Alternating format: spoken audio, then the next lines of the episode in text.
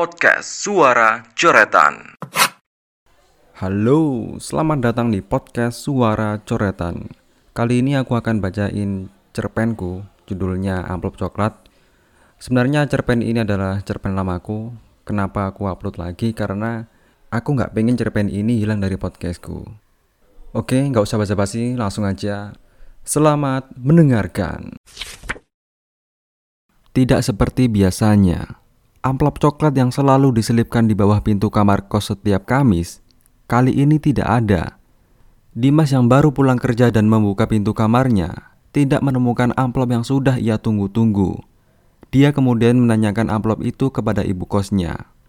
Nggak tahu mas, hari ini nggak ada yang nganter surat. Kalau ada surat kan udah pasti saya selipin di bawah pintu, kayak biasanya. Jawab ibu kos. Amplop itu berisi lukisan wajah Dimas, lukisan yang dilukis hanya dengan goresan pensil. Di balik lukisan itu selalu ada pesan untuk Dimas, pesan yang berisi kabar hingga luapan kerinduan. Dia adalah Bunga, seorang gadis desa yang sudah lama berpacaran dengan Dimas. Kisah mereka berawal ketika Bunga mengantarkan kopi dan gorengan untuk orang-orang yang bekerja di kebunnya. Perhatian Bunga tertuju kepada Dimas, karena hanya Dimas pekerja yang paling muda di antara yang lain. Dimas yang merasa diam-diam diperhatikan membuatnya berani untuk mendekati Bunga. Bunga yang dari awal sudah menyimpan rasa kepada Dimas membuat pendekatan Dimas lancar tanpa masalah. Masalah justru muncul ketika ayah Bunga menanyakan hubungan mereka. Sebenarnya ayah Bunga tidak terlalu mempermasalahkan hubungan mereka. Dia malah ingin Dimas segera melamar putrinya. Tapi, keinginan ayah Bunga bertabrakan dengan prinsip Dimas. Dia masih belum percaya diri dengan apa yang ia punya, apalagi melihat ayah bunga yang merupakan mantan camat, orang yang cukup dihormati di desanya. Padahal, ayah bunga tidak mempermasalahkan kondisi Dimas yang belum mapan. Bahkan dirinya berjanji akan membantu mencarikan pekerjaan untuk Dimas lewat banyak orang yang dikenalnya. Namun, Dimas tidak mengambil kesempatan itu. Dia lebih memilih merantau ke kota untuk mencari pekerjaan yang bisa dia banggakan.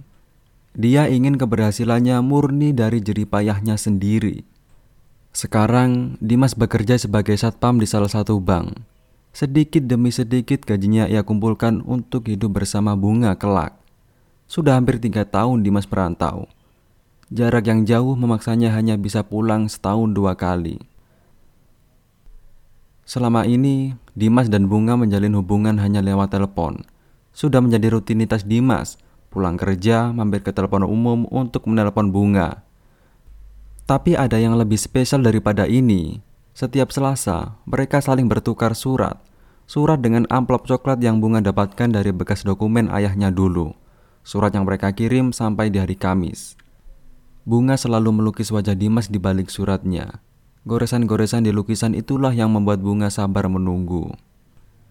Tapi kali ini rasa cemas memenuhi pikiran Dimas.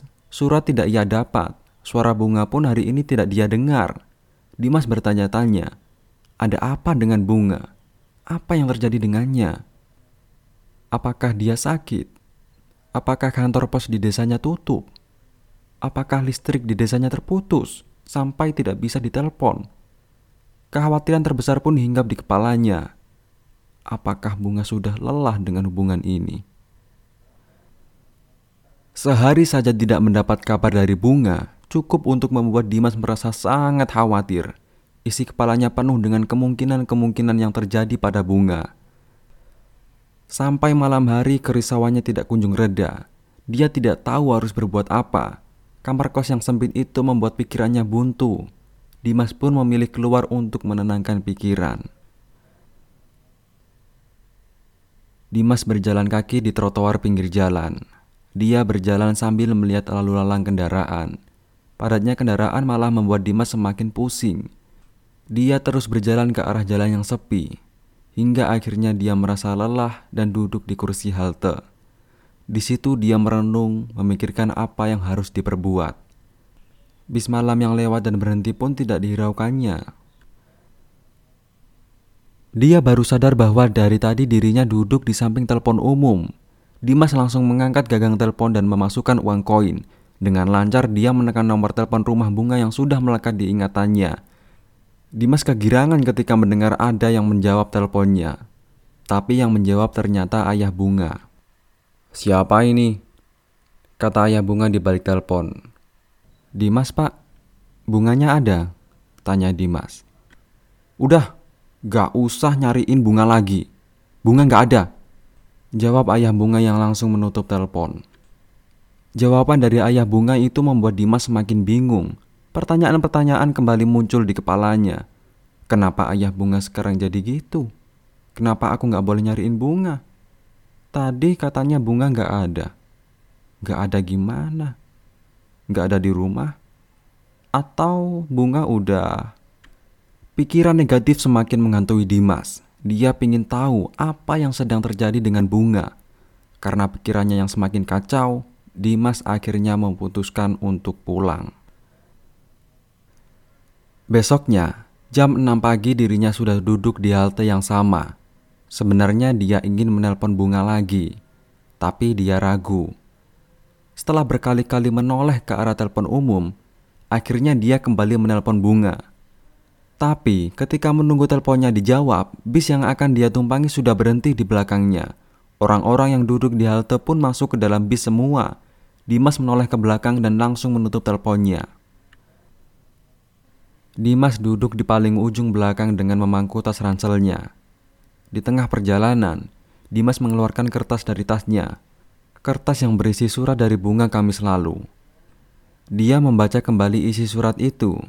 Dia tidak menemukan hal aneh di tulisan bunga. Semua tertulis seperti biasanya, memberi kabar, cerita, dan terakhir Bunga pasti menuliskan kalau dirinya masih menunggunya. Dimas selalu membalik kertas itu. Lukisan itu membuat Dimas membayangkan bunga sedang duduk dan melukis dirinya. Dimas merasakan kesabaran bunga di balik goresan-goresan itu. Dia merasa bersalah memaksa bunga menunggu sekian lama. Di ujung bawah lukisan itu, Dimas menemukan sesuatu yang tidak biasa.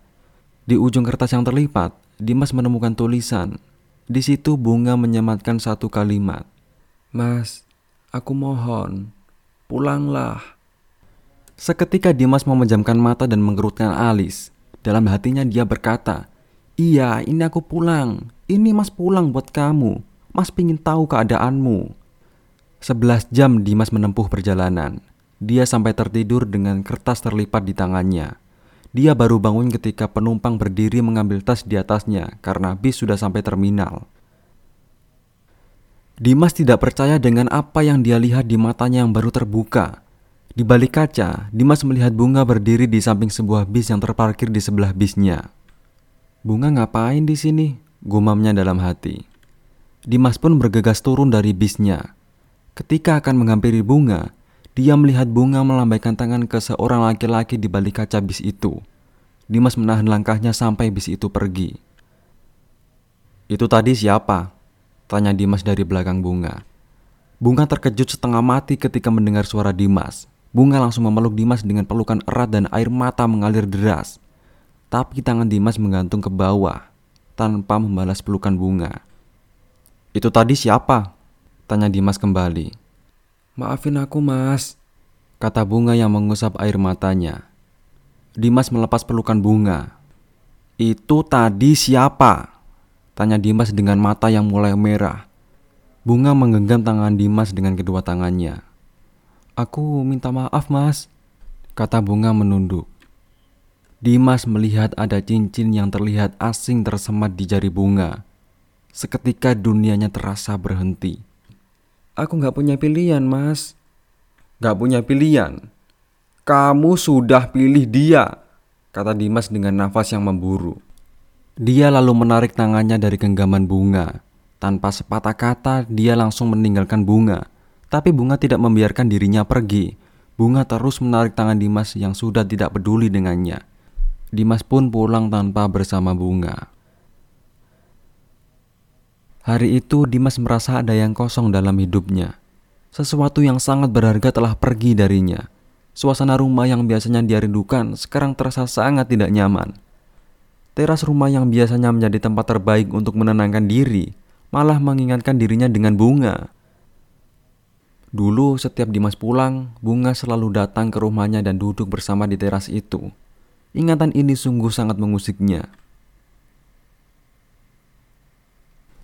Dimas pun memutuskan untuk kembali ke kota tempat dirinya bekerja esok hari. Dimas kembali dengan bis yang sama. Dia kembali menempuh perjalanan panjang yang sangat tidak mengenakan. Sampainya dia di kosnya, terlihat ibu kos keluar dari rumah. Mas, ini kemarin Kamis ternyata ada surat buat mas. Ini yang nerima ibu saya. Ibu saya lupa ngasih ini ke saya. Maklum mas orang tua. Maaf ya mas, kata ibu kos. Dimas penasaran, ini amplop dari siapa? Karena amplop yang dipegangnya amplop kecil berwarna putih. Dia pun langsung masuk ke dalam kamar dan membacanya. Hai mas, apa kabar? Semoga kamu dalam lindungannya. Mungkin ini surat terakhir dariku. Maaf jika di sini aku tidak melukis wajahmu. Aku sudah tidak sanggup melukis wajahmu, Mas. Karena itu hanya akan membuat aku semakin merasakan sakit ini. Sebenarnya, aku sama sekali tidak ingin melupakanmu. Tapi ayah memaksaku. Ayah sudah tidak bisa menunggu, Mas. Dia selalu menanyakan kedatanganmu di setiap aku pamit untuk mengirim surat. Sekarang aku sudah tidak punya pilihan. Semalam datang satu keluarga ke rumah. Dia adalah teman ayahku. Dia datang bersama anaknya yang ingin melamarku. Aku melihat ayahku sangat senang waktu itu. Aku tidak tahu harus bagaimana. Aku juga tidak tahu akan sekecewa apa ayahku jika aku menolaknya. Aku sudah tidak bisa memaksa ayah menunggu. Mungkin ini akhir dari cerita panjang kita. Semoga kamu mendapatkan yang lebih baik dariku. Maafkan aku, Mas. Bunga.